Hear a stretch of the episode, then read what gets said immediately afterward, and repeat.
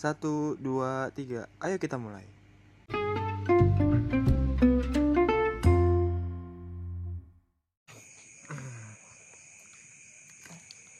Selamat malam teman-teman semua. Apa kabar? Balik lagi sama Iki hari ini. Eh, gimana kabarnya? Semoga kalian baik-baik aja. Eh, di episode kali ini, ya, ceritanya episode kali ini guys ya. Sudah sekian lama tidak mengundang bintang tamu lain karena kemarin-kemarin selalu ditemani sama Kak Dedo terus. ya. Hari ini mencoba untuk mengajak teman saya dari kalangan yang berbeda ceritanya. Mungkin kalian bisa kenalan aja langsung di sini ada di sebelah kanan saya ada Mas Miun. Boleh kenalan siapa namanya? Eh, Sebenarnya sih jangan panggil Mas lah. Iya. Iya. Mau dipanggil apa ini? Kakak? Kakak Bang aja Bang. Oh ya, Bang Abang Miun. Miun. Hmm. Abang Miun. Eh, jadi dia teman saya di pekerjaan saya itu Kita teman ini ya, teman diskusi ya. ya, salah satu teman diskusi juga di kebetulan beliau juga dulu berkuliah di satu jurusan dan suka mengembangkan sesuatu jadi bisa sharing dan bisa connect bersama gitu terus di sebelah kiri saya ada orang yang namanya tidak mau disebutkan itu guys Sebut saja Tit. sebut aja tit ya Eh, Ini Tit. eh, Ya, gitu. ya. dia Nama juga lengkapnya itu ya. Hmm, bener bapak. Ya. dia dia juga salah satu rekan saya di kerjaan jadi mungkin mereka itu teman yang sering banget saya ajak sharing di kerjaan maupun di luar kerjaan. Karena kebetulan beliau beliau beliau ini sangat nyambung sama obrolan yang selalu saya bahas gitu. Entah hobi entah kehidupan entah pekerjaan itu selalu nyambung aja gitu. Mungkin eh, kita intro dari kena apa keadaannya sekarang nih. Bagaimana dengan Mas apa Babang Miun keadaannya hari ini? Saya sehat keadaan. Menyehatkan mental juga sih sebenarnya. Aduh berat lagi baik-baik Berat saja ya Baik-baik aja kok, baik kok, baik. banget ya. Mau bagaimanapun Tetap harus baik. harus baik ya. karena kalau tidak baik-baik saja tidak enak rasanya Iya, gak enak, gak enak aja. kalau yang sebelah saya yang tidak bisa disebutkan namanya Eh, saya setengah tidak waras bapak. ada apa dengan anda bapak Eh, memang dari dulu sebutannya begitu. oh memang Karena menjadi waras itu bagi saya kurang asik, ganjil ya. ganjil banget. nggak apa-apa. karena memang dalam kehidupannya tidak ada yang namanya di kamusnya tuh tidak ada yang namanya waras selalu menjadi setengah gila Ya. Iya dalam menghadapi kehidupan memang harus ada ke- Kegilaan eh, iya, bapak. Eh, Nggak harus serius banget. sebuah bumbu yang membuat kehidupan itu lebih hidup. Asik. Aduh. Ya, Ya, hidup, termasuk Bapak. juga hidup mereka dalam hidup percintaan mereka ini Asik. Ya. sehingga ya dari tema yang bakal kita bahas itu adalah bucin mereka ini salah satu orang-orang yang sangat bisa dibilang bucin terhadap pasangannya Nggak sadar sih tapi ngelakuin aja. Nah, mungkin kita mulai dari definisi bucin sendiri sih menurut anda anda itu gimana gitu kalau menurut babang miun Oke, bucin ya. Bahasa zaman sekarang yang mungkin sudah mulai populer. Bukan cuma populer kayaknya sebuah menjadi menjadi sebuah bumbu percintaan bapak. wajib ada ya Wajib kayaknya. ya. ada kayaknya. Pasti. Di sebagian orang. Pasti ada dan sebagian orang mungkin menikmati. Hmm. sebagian orang mungkin menganggapnya terlalu berlebihan entah apa bah- apa pun bahasanya mereka beberapa orang menyamakan itu bucin Hmm. padahal enggak tindakan-tindakan yang kayak gitu tuh kalau menurut menurut pribadi sih enggak lah itu kayak alamiah aja kita lakuin. Siapa sih yang nggak mau manjain pasangannya? Siapa sih yang nggak mau dimanjain pasangannya? Hmm. hanya karena sebuah kata yang kemudian muncul statement yang mengatakan ah kamu bucin. Ternyata kamu bucin. Nah, walaupun dia menyanggah dirinya itu bucin padahal dia melakukan ya apa pun yang terjadi bucin tetap bucin. Ya iya benar. Jadi ya terima atau enggak tetap bucin juga. Jadi ya udah. Mau gimana pun ya. Itu terjadi secara alami memang karena kan menurutnya anda ya. Iya. Karena kalau saya yang alami bahwa saya menjadi bucin karena suasana. Dan bukan cuma suasana sih yang membuat saya menjadi bucin itu sebenarnya adalah eh, ketergantungan kepada pasangan saya. Itu. Oh iya iya ya karena contoh nih saya dengan pasangan saya menjadi bucin dengan dia karena dia bisa memenuhi apa kebutuhan saya sehari bukan masalah finansial ya tapi lebih ke perhatian lebih ke apa ya, kasih sayang. Itu yang membuat bucin itu keluar dari diri saya gitu nah nggak secara alami tapi karena memang ada tuntutan yang saya butuhkan. Hmm, itu terus terus? Ya mungkin kalau secara dibilang secara alami alami juga tidak. Karena memang ada beberapa faktor-faktor yang membuat itu eh, bucin itu gimana ya jelasnya bucin itu menjadi terbentuk akibat ketergantungan juga. Hmm, ya ya bisa ya. jadi. Hmm. Hmm. kencang amat bisa jadinya. Karena- kondisi pak juga bisa ya, ya kondisi dan situasi kan banyak yang bikin bahwa aku menjadi bucin ini bukan karena alami aja jalan tiba-tiba "Ih, aku jadi bucin. Tidak karena kalau yang saya alami selama ini bahwa saya menjadi bucin karena saya ketergantungan kepada pasangan saya. Yang, Hmm. yang membuat contoh eh, dengan mantan saya nih eh, saya bucin terhadap dia karena dia bisa memberi saya kasih sayang yang sangat amat beda gitu dari mantan mantan saya. Dia bisa nge- treat nge- nge-treat aku tuh kayak kamu tuh udah kayak suamiku jadi kebutuhan sehari-hari contoh kayak makan contoh kayak eh, makanku perhatian perhatiannya Nah. terus kasih sayangnya terhadap Ya. aku kepeduliannya itu membuat aku harus membucini dia gitu nah gak salah kan berarti kalau misalnya kalau saya berpendapat bahwa eh, bucin itu nggak sebatas terjadi secara alami tapi juga ada faktor lain seperti penyebab. ketergantungan itu. Kalau menurut anda nih mas yang tidak mau disebutkan namanya gimana? Menurut anda tentang bucin itu sendiri? Kalau menurut saya sih kalau bucin itu ya ini dari kedua belah pihak deh. Entah si perempuan atau cowoknya. Biasanya sih cowok tapi kebanyakan juga ada cewek. Jadi misal semisal nih si cewek nih memberikan perhatian lebih atau sedikit posesif atau gimana dengan si cowok nih. Si cowok nih kan jadinya harus ngikutin maunya dia supaya nggak kehilangan si cewek nih. Benar. Ataupun sebaliknya.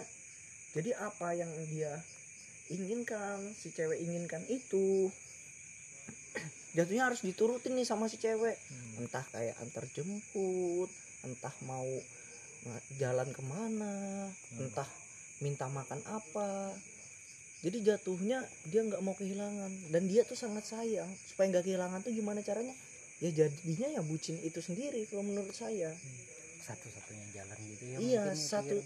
satu-satunya jalan agar dia tuh nggak kehilangan Hmm. atau sebaliknya juga begitu gitu nah. antara si cewek dan si cowok ini kalau Hmm. persepsi menurut saya jadi sampai eh, anggapannya sih lebih ke ada faktor lain kan iya ada faktor kan? lain tidak tidak sebenarnya tidak juga ada beberapa pasangan bahwa bucinya terbangun secara alami ada Ya. ada karena dia tidak menyadari bahwa dirinya itu sebenarnya seperti ini seperti ini seperti Hmm. ini ya, tapi ada juga beberapa orang beberapa pasangan bahwa dia menyadari bahwa dia menjadi bucin karena ada kesepakatannya itu benar kan. Benar. jadi eh, nggak nggak semata-mata bahwa alaminya terjadinya Hmm. bucin itu tidak ada faktor lain juga. Contohnya adalah eh, ketergantungan tadi. Nah, menurut kalian yang tadi. nih ya ketergantungan kepada pasangan yang memfaktori bucin apakah ketergantungan hanya tidak dari kasih sayang atau kenyamanan? Mungkin ada faktor lain yang menurut kalian bisa sampaikan di sini? Faktor lain ya? Mm-mm. Kayak gimana ya? Eh, kalau dibilang ada ya kayak kalau misalnya ada dari awal aja deh dari awal dia PDKT aja. Hmm, pastilah kita sudah kenalin lah calon pasangan kita nih. Benar. Seperti apa? Hmm, nih kan? Dari PDKT aja kita sudah tahu oh mungkin dia itu harus diperlakukan seperti ini Hmm. ya karena aku juga senang sih kalau dia memperlakukan aku seperti itu dengan harapan diperlakukan juga seperti Iya. itu ada timbal balik Hmm. berarti kan ada faktor penentu yang dalam bahasa sekarang ya itu lagi bucin lagi Hmm. setiap waktu harus ngabarin Hmm. tiap megang HP langsung ngabarin. Ke mana-mana ngabarin. ngabarin. Jalan siap sama siapa? Laporan. ngabarin. iya kan? Pagi harus kabarin mau kerja istirahat. Tapi kan ada juga saat-saat kita tidak sadar. Pagi-pagi ya pagi-pagi. refleks aja gitu. Good morning. Padahal sesimpel itu sih. Tapi kayak rancu aja kalau nggak ngelakuin. Eh, eh, Hmm. jadinya kebiasaan yang kebiasaan. membuat kita jatuhnya awal tuh kayak wah ini risih. Tapi jadi lama-lama tuh jadinya nyaman gitu kan? Iya kayak ke kita nggak pernah tahu kan bahwa kebiasaan itu muncul karena sesuatu yang dulunya kita tidak sering lakukan. Ya kan? bener. contohnya yang tadi mengabari dia setiap pagi terus juga menanyakan dia bagaimana keadaannya. Itu kan seakan-akan bahwa itu bukan kebiasaan yang seharusnya kalian lakukan ketika kalian sendiri. Iya Iya kan? bener. Tapi menjadi ada karena itu keterbiasaan. Iya kan? bersama pasangan kita.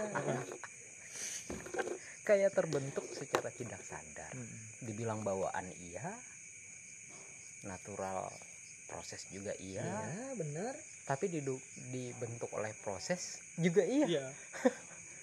Seakan-akan semuanya tuh ada faktornya gitu. Tapi kok ada yang ganjil ya? Apa tuh? Bukannya sesuatu itu kalau misalnya didukung oleh dua teori yang berlawanan seharusnya punya dua kesimpulan. Hmm. tapi kok ini tetap dipandang dengan satu? Mau apa pun alasannya bucin. Bucin. Mau Iya. dia alami atau enggak bucin. bucin. kenapa ya kira-kira ya? Hmm. Gimana menurut Mas? tip yang tidak mau disebut namanya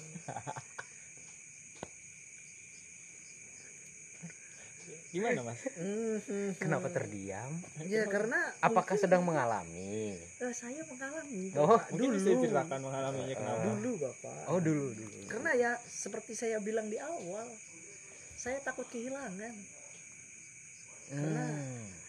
itu lama banget pak. Saya tipe orang yang sangat cuek sebenarnya. Saya kalau sudah ngumpul nggak mau diganggu ada waktu me time. Ada tahu me, me time, ada waktu me time ada waktu bersama teman dan ada waktu bersama dia.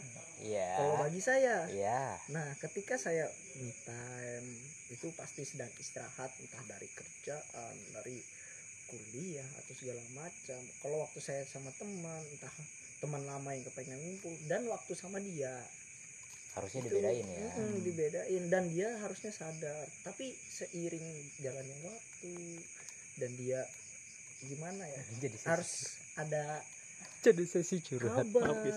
ya kan? Hmm. jadi ya mau nggak mau kita harus sering ngabarin ngebucin lah jadinya mau Ya, tidak mau mau jadinya tidak kan mau jadi dibentuk ngebucin. oleh proses. Iya. Dan kelamaan lama kelamaan ketika itu terjadi dan akhirnya udah kebiasa dan ngalir gitu. Jadi jadinya Eh, natural. natural. dua proses jadi satu. Jadi satu Jadi gitu. satu. di timeline yang sama, Sama. gitu. Itu. Aduh. Dan menurut bapak Iki sendiri nih ya kalau aku ya gimana nih? hmm, yang tadi ya persis kayak pertama memang benar apa yang dibilang Mas yang tidak mau disebutkan ini. Kita tidak mau kehilangan pasangan sehingga terjadi terbentuklah bucin itu. Oke. Eh, karena eh, ketika kita tidak mau kehilangan dia otomatis kita harus nge-treat dia lebih baik lagi. Bener kan? Kayak Hmm. eh, anggap dia tuh pengen dia ngasih kita sesuatu tanpa mengharapkan sesuatu tapi kita pasti ada rasa tidak sungkan kan?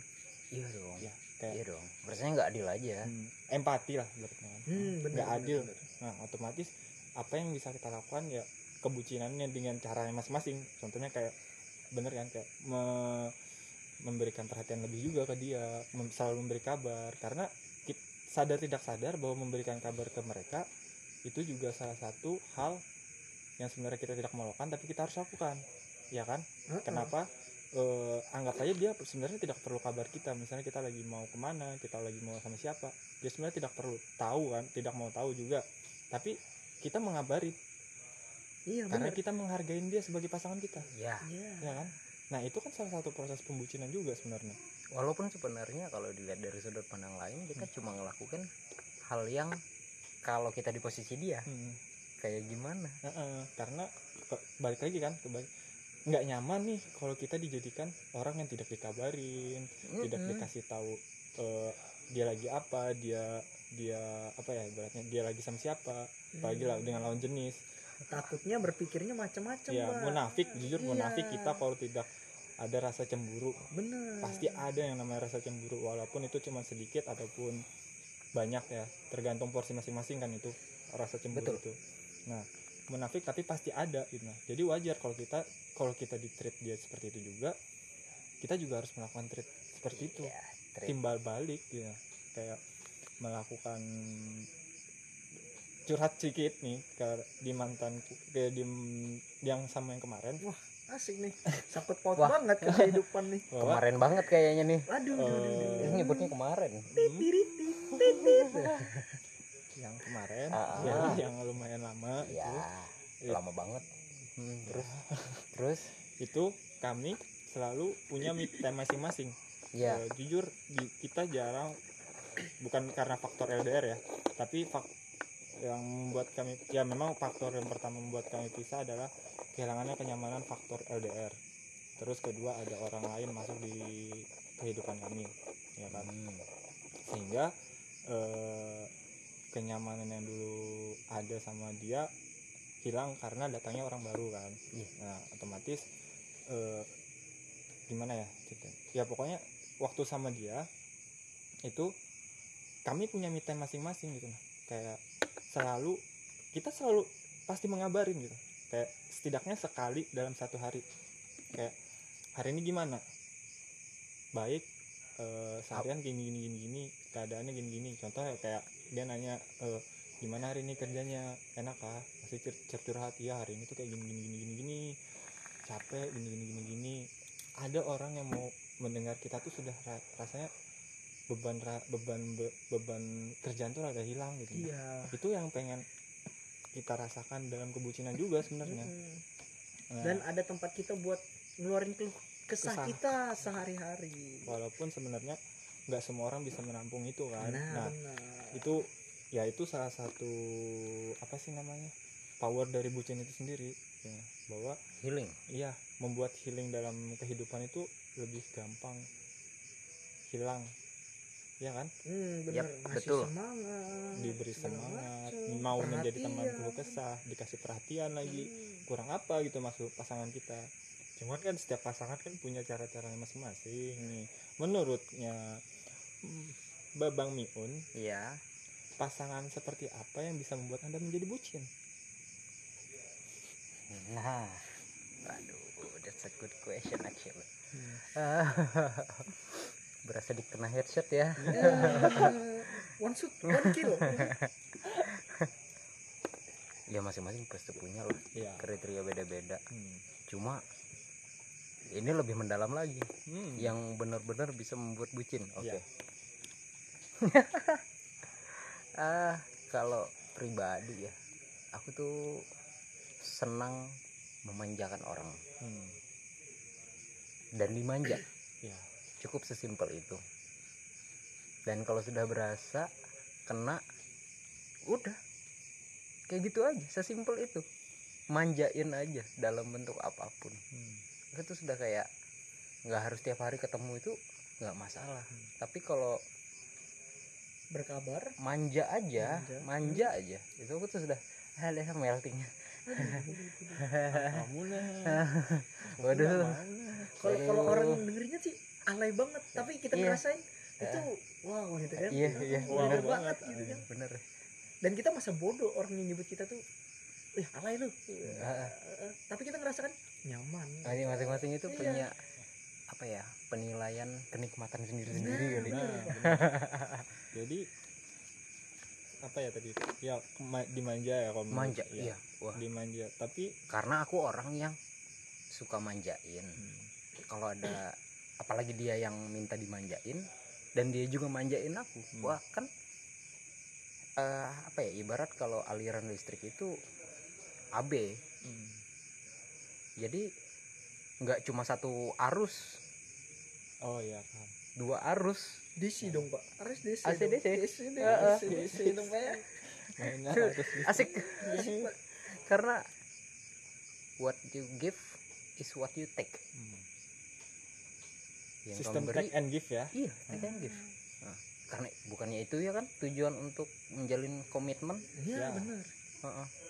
karena kalau cuma satu arus untungnya apa? Buang-buang waktu iya. Hmm. udah. Walaupun kayak kalau ngelihat ya kadang-kadang bucin ini juga ternyata cuma bisa satu arah loh. Woi, kok bisa? Ah, kadang ada juga yang memang pasangan satunya satu do, orang doang yang bucin. Satunya mah satunya cuek. enggak. Kadang ada yang cuek ada yang biasa aja tuh. Ada Ah. pak. Tapi dia menikmati. Dan mereka bisa Iya. jalan gitu. flow aja gitu. Oh, iya. Ada juga. Tapi ada juga nih fakta yang menarik. Bucin itu sendiri juga bisa jadi senjata. That's right, bener banget. nah ini ini nih contohnya nih ya. Iya si Iki kan. Hmm. punya pasangan LDR nah itu punya sistem bucin sendiri tuh. Benar. Ada orang lain datang memberikan bucin yang berbeda kadarnya. Itu sudah jadi bisa bisa jadi pengaruh. Nah, uh benar. besar banget. Senjata, bahkan kan? pengaruhnya pak. Berarti bisa disimpulkan ini bisa juga pedang bermata dua. Bener banget. Bener banget. Kayak bener banget. bisa menghancurkan di di waktu yang lain juga bi- bisa menyayangi di waktu lain bisa menyamankan tapi di sisi lain juga bisa menghancurkan. Kalau kalah aja sih kadarnya. Hmm. Hmm, makanya dibilang perlu perlu nggak perlu sih? Perlu nggak perlu sih iya tapi jatuhnya menjadi keperluan. Nah. Nah kan? Complicated ya padahal Nah, ini itu. cuma bucin. Bucin ini cuma kata bucin. Sifat dibilang enggak sikap juga enggak juga. Juga dibilang alami juga enggak. Buatan juga enggak? Iya. Jadi bucin ini apa? Guys. kenapa bisa jadi manusia bisa bisa jadi bisa menyatukan? Bisa memisahkan? Kan? Nah itu. Dan itu pernah saya alami. Ini lebih parah daripada cinta cuy. Hmm. karena ini sudah masuknya bukan masalah cinta ke cinta lagi tapi kenyamanan. Bener gak sih? Karena gini eh, ada porsi di mana kebucinanmu itu bisa tidak bisa diterima sama pasangan anda. Iya bener kan? benar. Kayak contoh banget. nih, un- posesif. Sebenarnya posesif itu bisa dibilang bucin juga. Bisa, Bisa. banget. banget bisa. Kan setuju. Cuman ketika itu porsinya berlebihan pasangan menjadi anda jadi risih. risih. Risih terganggu banget, benar terganggu. benar. Nah otomatis kan setiap saya bilang tadi bucin juga menjadi hal yang bisa menghancurkan kan? Tadi. Hmm. Ya. nah berarti apakah eh, berlebihan dalam hal bucin itu baik apa enggak apa tidak? Gitu maksudnya berlebihan itu bagus. Kadang kan kadang gini ada orang yang menganggap kasih semua gift all beri semua yang saya punya gitu. agar dia Yes. juga bisa memberikan baik. Padahal dengan harapan. Dengan har- dengan harapan dia bisa Ah. memberikan semuanya kembali gitu. Dengan kadar yang sama, sama.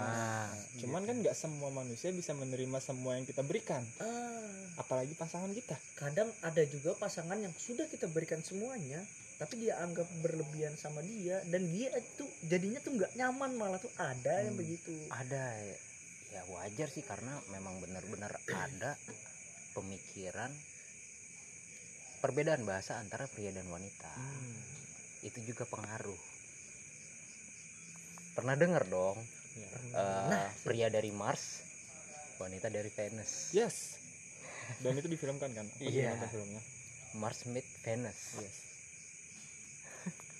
entah kenapa tapi itu terjadi. Kalau kata bukunya aduh lupa lagi pengarangnya namanya siapa? Dia bilang pada waktu itu kaum kaum wanita yang ada di Venus penasaran dengan laki-laki yang ada di Mars. Begitupun juga laki-laki yang melihat wanita di Venus apa yang sih yang membuat kita berbeda dari mereka? Hmm. struktur aja yang beda sih apakah juga pemikiran? Pengaruh besar juga ternyata. Bucin aja bisa dipandang berbeda oleh dua orang aja yang berbeda. Itu udah udah perbedaannya bisa jauh. Hmm. jauh banget. Mm. karena kan orang-orang juga punya sifatnya masing-masing. Contoh aja kayak kita yang sebagai orang yang pengen nge-treat dimanja ada juga orang yang pengen ditreat secara cuek. Gitu. ada kan dia Ada. cuek sama pasangannya. Itu itu kan kadang dianggap orang nggak ada bucinnya sih cuek-cuekan. Padahal itu kenyamannya mereka masing-masing kan? Gitu nah. Mm, dan ada yang pasangan kalau ketemu ya berantem atau marah-marah atau kadang tuh manggil ya kata-kata kasar tapi itu jadi kayak menarik buat mereka tuh ada gitu kan. Itu kayak ciri khas keharmonisan mereka gitu. Iya jatuhnya gitu pak. Bisa gitu. Tapi aku malah mereka mikirnya bukan ke ciri khas sih tapi ke fetisnya mereka. Bisa jadi. Bisa jadi. Heeh. karena kan ada beberapa fetis dalam pasangan bahwa eh ber kasaran itu malah dianggap sebagai kasih sayang gitu. Jadi kalau gitu kira-kira nih menurut pendapat kalian masing-masing bucin itu sendiri perlu nggak sih? Kalau dibilang perlu sangat. Karena membantu kita untuk mm, menyamankan hubungan kita. Tapi kalau berlebihan tidak. Hmm. aku tetap setuju bahwa berlebihan dalam memberikan sesuatu itu tidak baik. Terutama bucin. Membucinkan diri kepada pasangan gitu. Karena kita tahu bahwa pasangan kita tuh kita pasti tahu lah sifat pasangan kita masing-masing kan gimana. Ada pasangan kita yang cuek ada yang pasangan kita yang sangat penyayang ada juga pasangan kita yang peduli tidak peduli.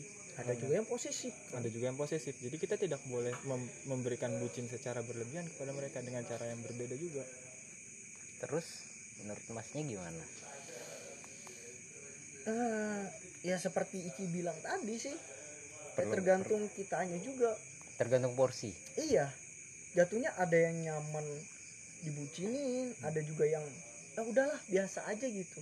Ini sampai sekarang kita nggak tahu loh bucin itu apa. Iya, Iya, sebenarnya karena nggak tahu, kesimpulannya nggak ada. bucinnya itu panjang.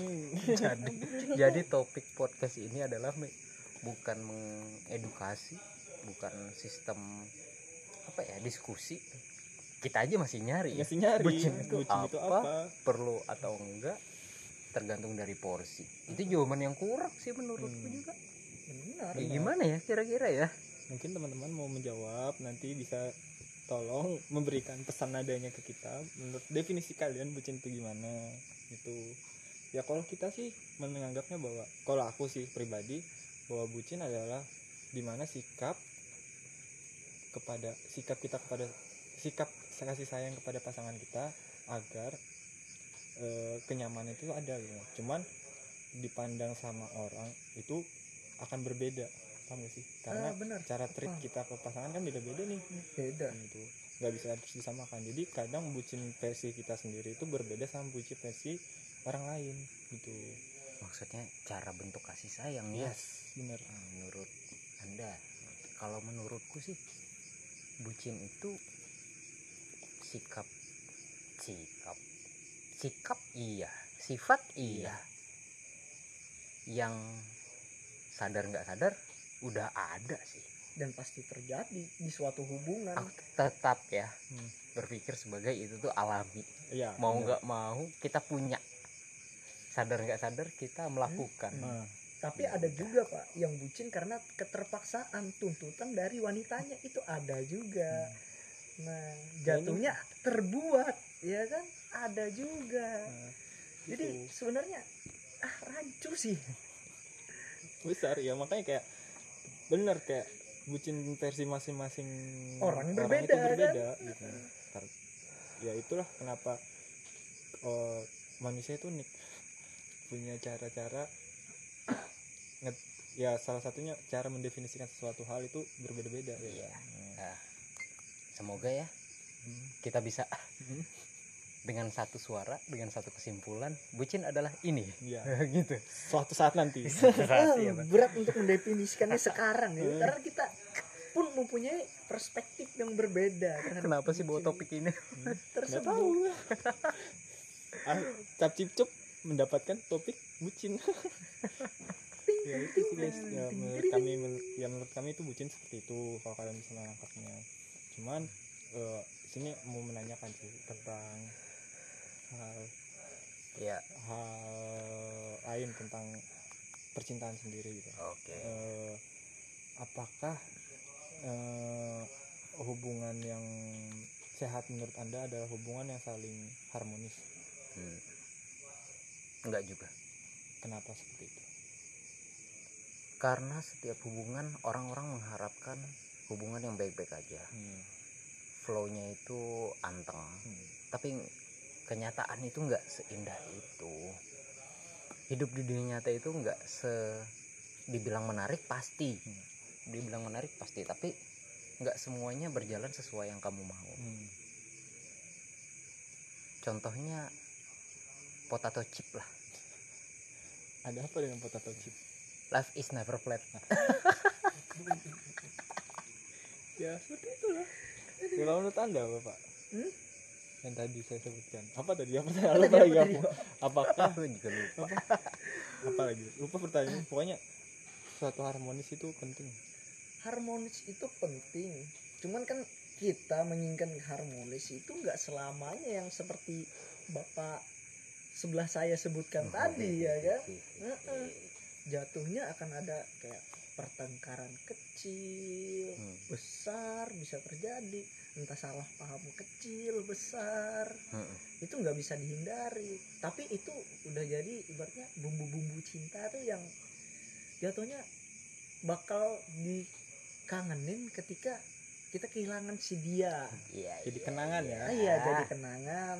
Ataupun ketika nanti kita ke jenjang yang lebih serius. Itu bakal jadi cerita yang lucu entah itu buat siapa pun entah anak-anak kita nantinya atau orang-orang terdekat kita itu bakal jadi kenangan yang aku dulu nih sama si dia pernah begini nih parah banget Hmm. tapi aku nikmatin Hmm. karena itu jadinya lucu dan sebenarnya gimana ya kalau emosi iya marah iya cuman jadinya asik gitu ada satu masalah kenangan ya. Kita balik eh, membahas tentang kenangan jadi ada satu orang. Bercabang lagi nih. Mohon maaf ya kita bercabang panjang akar. Ini eh, masalah kenangan ada orang yang tipikal di mana eh, ketika dia punya kenangan dia tidak mau. Contoh kayak tempat ya. Eh, aku nih sering makan di tempat ini sama si mantan kekasih. Besoknya aku nggak bakal makan di situ lagi ketika aku sudah tahu kalau di situ sering aku lewatin karena dia merasa bahwa kenangan yang dia lewati di situ merasa keingat lagi dan itu Hmm. menjadi traumatik. Hmm. ada Saya kan ngalamin itu, begitu. tapi apakah itu hal yang baik atau hal yang buruk? Karena kalau menurut aku sendiri eh, itu hal yang seharusnya tidak dilakukan. Maksudnya menurutku sendiri gitu. Karena eh, ngapain sih men- menjadikan itu momok yang tidak baik? Itu bisa dijadikan pelajaran kok bener kan Yap. Hmm. Bener. setuju tapi ada sebagian orang begini karena saking sakit hati Wah, pembelaan nih. gini jadi ya mungkin kenangan dia bersama itu atau di tempat itulah misalnya sering makan di situ terus dia nih ngelihat seorang yang lain bersama pasangannya di tempat itu dengan dia yang masih punya status istilahnya diselingkuhin dengan makan di tempat yang itu Hmm. gitu kan Mhm. itu jadinya kayak kenangan menyakitkan yang kalau kita lewat ke tempat itu tuh bakal wah aku dulu pernah makan di sini I used to Dan be dia there juga ngajak orang lain yang sekarang jadi pasangannya ke tempat itu Hmm. jatuhnya akan jadi sakit hati kenangan yang membuat kita tuh sakit hati gitu kan. yang kita niatnya buat ngelupain dia ketika kita menjadi pasangannya dulu ngebucin sekarang jadinya bawa rasa sakit rasa ah gimana? gitu kan. Ada ya anda kekecewaan ya paham sendiri lah maksud Traumatik. rasa itu. Traumatik itu ada pak. Dan itu saya ngalamin banget. Dan sampai sekarang kayaknya buat ngelewatin tempat itu tuh sering dilewatin. Cuman jatuhnya ketika ngelewat tempat itu tuh entah saya pakai mau jalan lewat situ buru-buru atau nggak pengen lihat tempatnya itu saya alami pak Hmm, oke. Kalau aku pribadi sih kayak begitu ya nggak harus lah. Tergantung orang-orang orang-orang yang punya kenangan buruk tentang tempat jalan yang menunjukkan ke memori lama tetap aja kan itu memori lama. Benar. Bukan tentang lokasinya bukan tentang tempatnya enggak tapi bagaimana kita itu membayangkan dulu bersama dia kenangannya seperti ini. Sekarang melihat dia bersama orang lain membawa akibat dari yang dulu itu kayak gimana? Aku paham maksudnya itu kayak eh ngelihat yang sekarang dia sama ini. Tapi di tempat yang dulu kita sering kunjungi. Iya bener banget. Heeh, kayak itu gak salah dia bukan salah kamunya juga. Pemikiran aja sih sebenarnya Benar, karena nggak nggak harus toh dia suka-suka dia mau jalan ke mana? Iya Sama tempat siapa? umum, tempat umum kan Tempat wajar. umum. Heeh. tapi kan jatuhnya bagi si ini kan. Bahwa itu tempat yang menjadi kenangan terindah dan juga terburuk buat dia. Kembali lagi pemikiranmu waktu ngelihat itu akankah mengembalikan ke memori yang lama apa enggak? Cara benar. kita untuk mengontrol emosi mengontrol ke pemikiran kita sendiri jangan sampai mikir ke situ. Hmm. aku jujur pertama kayak gitu juga. Aku selalu menghindari jalan yang melewati arah ke rumah mantan. Hmm. paling males kenapa? Karena terkenang terus. Tapi makin ke sini makin ke sini aku harus terbiasa. Kehidupan nyata itu seperti ini. Mau nggak mau kamu harus moving on.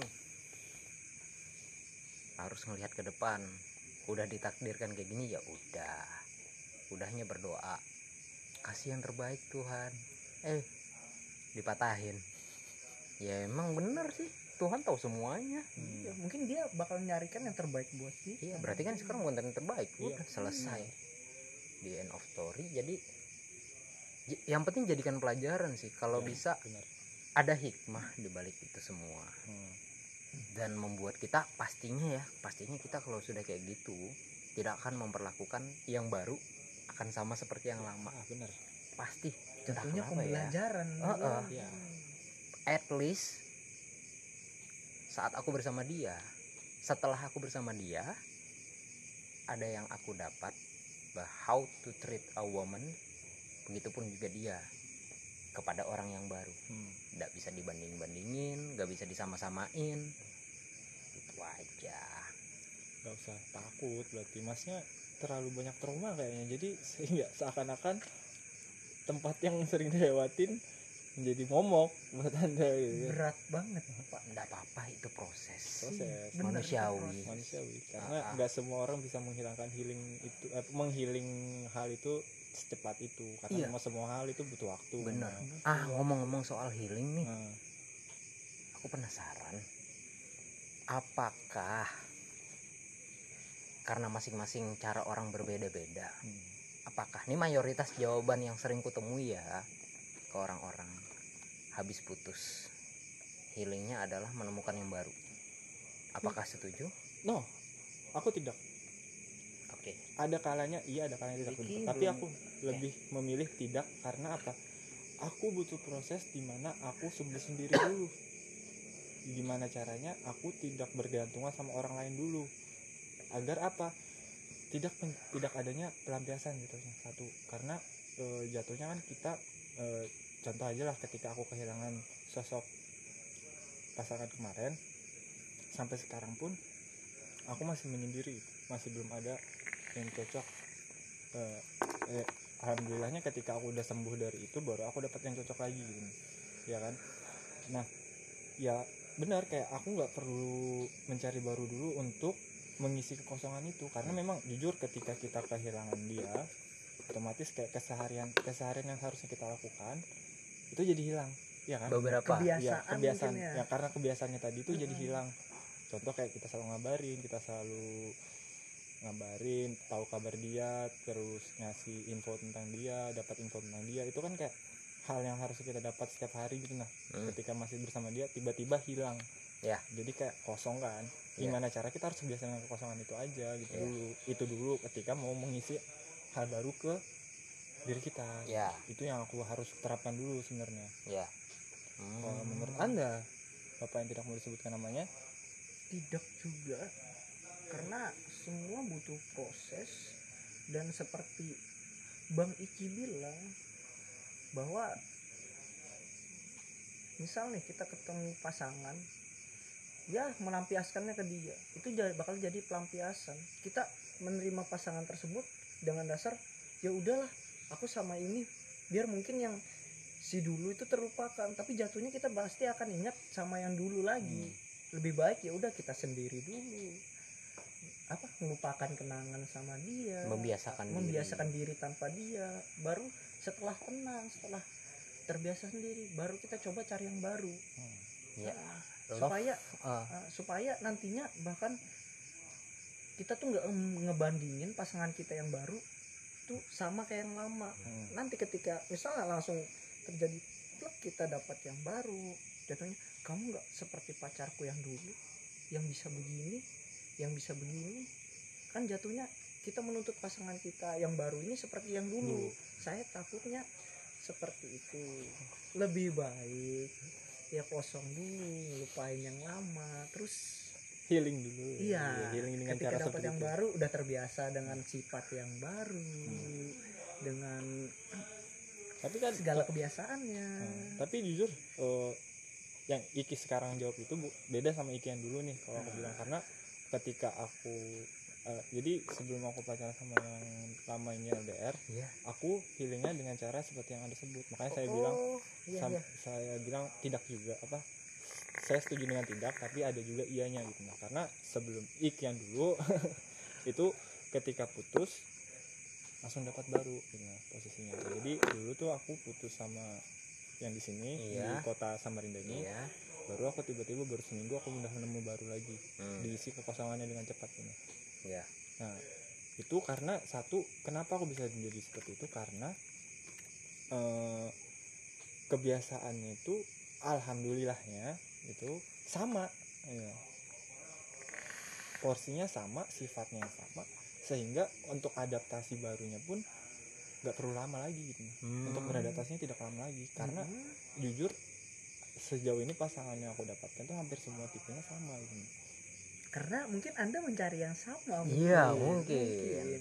Bukan bukan bu- kan jujur manusia punya sifat nggak mungkin sama dong nggak mungkin cuman tapi kan kriterianya Ya. Mirip. yang anda pilih mirip mirip bukan sama mirip menyerupai kebetulan Menyerupai. hampir sama aja itu jadi Iya. sehingga pas di nah situ seakan-akan jadi kayak nggak nggak salah juga ketika ka- anda bilang bahwa apa healingnya dengan cara menemukan hal baru apa pasangan baru gitu nggak salah juga karena ada orang yang seperti itu juga Yap.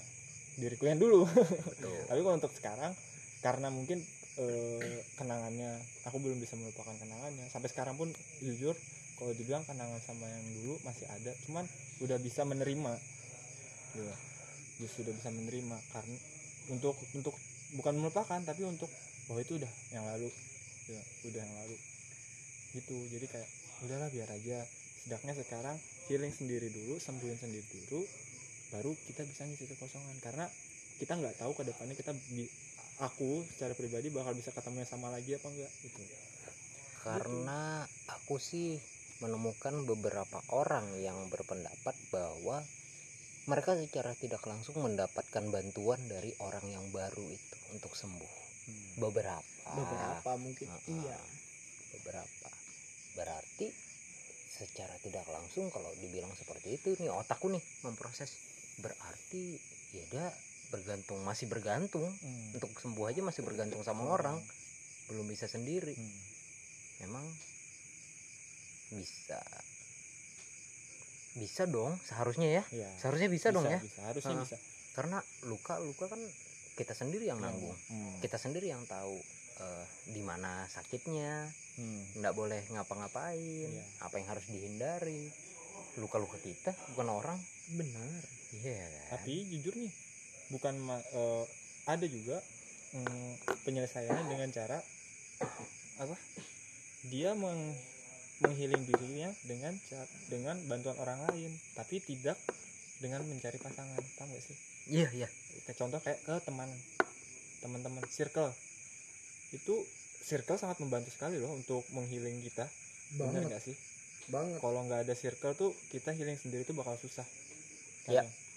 Ya, setuju karena jujur circle itu sangat mempengaruhi Ju- jujur ketika aku putus sama yang kemarin itu sempat hal negatif masuk andaikan tidak ada teman-temanku mungkin udah terjadi lah hal Iya. negatif itu iya iya benar iya Ju- benar. jujur udah hampir hampir terjadi Ah. untungnya ada mereka dan mereka yang ngehealing gimana caranya waktu waktuku kosong itu mereka ngisi gitu nah Hmm. kayak contoh pas lagi off itu Hmm. Jujur ketika aku off dan sendiri di rumah negatif thinking itu pasti keluar bapak hal yang mau menyakitkan diri hal yang mau merugikan Finansial. diri, finansial entah finansial entah fisik itu Apa pun sering itu. hampir mau terjadi andai kan kalau mereka nggak nggak ngajak kayak ayo ki ke sini ayo ki ke sini Iya. ayo ngumpul menyibukkan diri aja ada ya iya itu, perlu, kayak eh, teman-teman tuh juga mendukung untuk menyupport menyupport kita untuk healing gitu nah Hmm. bener kan mm-mm. iya bener. Berarti bener ya kata pepatah. Love when you are ready not not when you are lonely. Ya bener. Mencinta ya. Siap saat siap. Mencintai itu saat siap Saat bukan saat sendiri. kamu sendiri. Bener. Ada juga satu kata-kata yang aku ingat. Oh ini yang termasuk untuk healing juga. Mm-mm. jangan eh, berurusan sama orang yang masa lalunya belum selesai. Ya betul. Betul betul betul. Dan itu bener-bener kata-kata yang nyerkit di aku banget karena masa lalu aku belum selesai tapi aku mau mulai sesuatu baru lagi. Iya. Ya jatuhnya kan yang kayak itu ku ceritain tadi. Contoh simpel aja gitu dia aja belum selesai. Masa mau yang baru lagi? Masa mau mulai masalah baru? Bukan masalah ya mau lembar baru tapi yang ini nih belum Hmm. tutup buku. Ya Mm-mm. Mm-mm.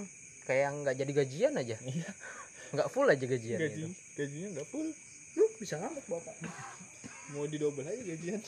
Berat berat berat berat. Itu teman-teman. Kita kalau bahas cinta tuh panjang sebenarnya. Nggak cuma masalah ini aja gitu.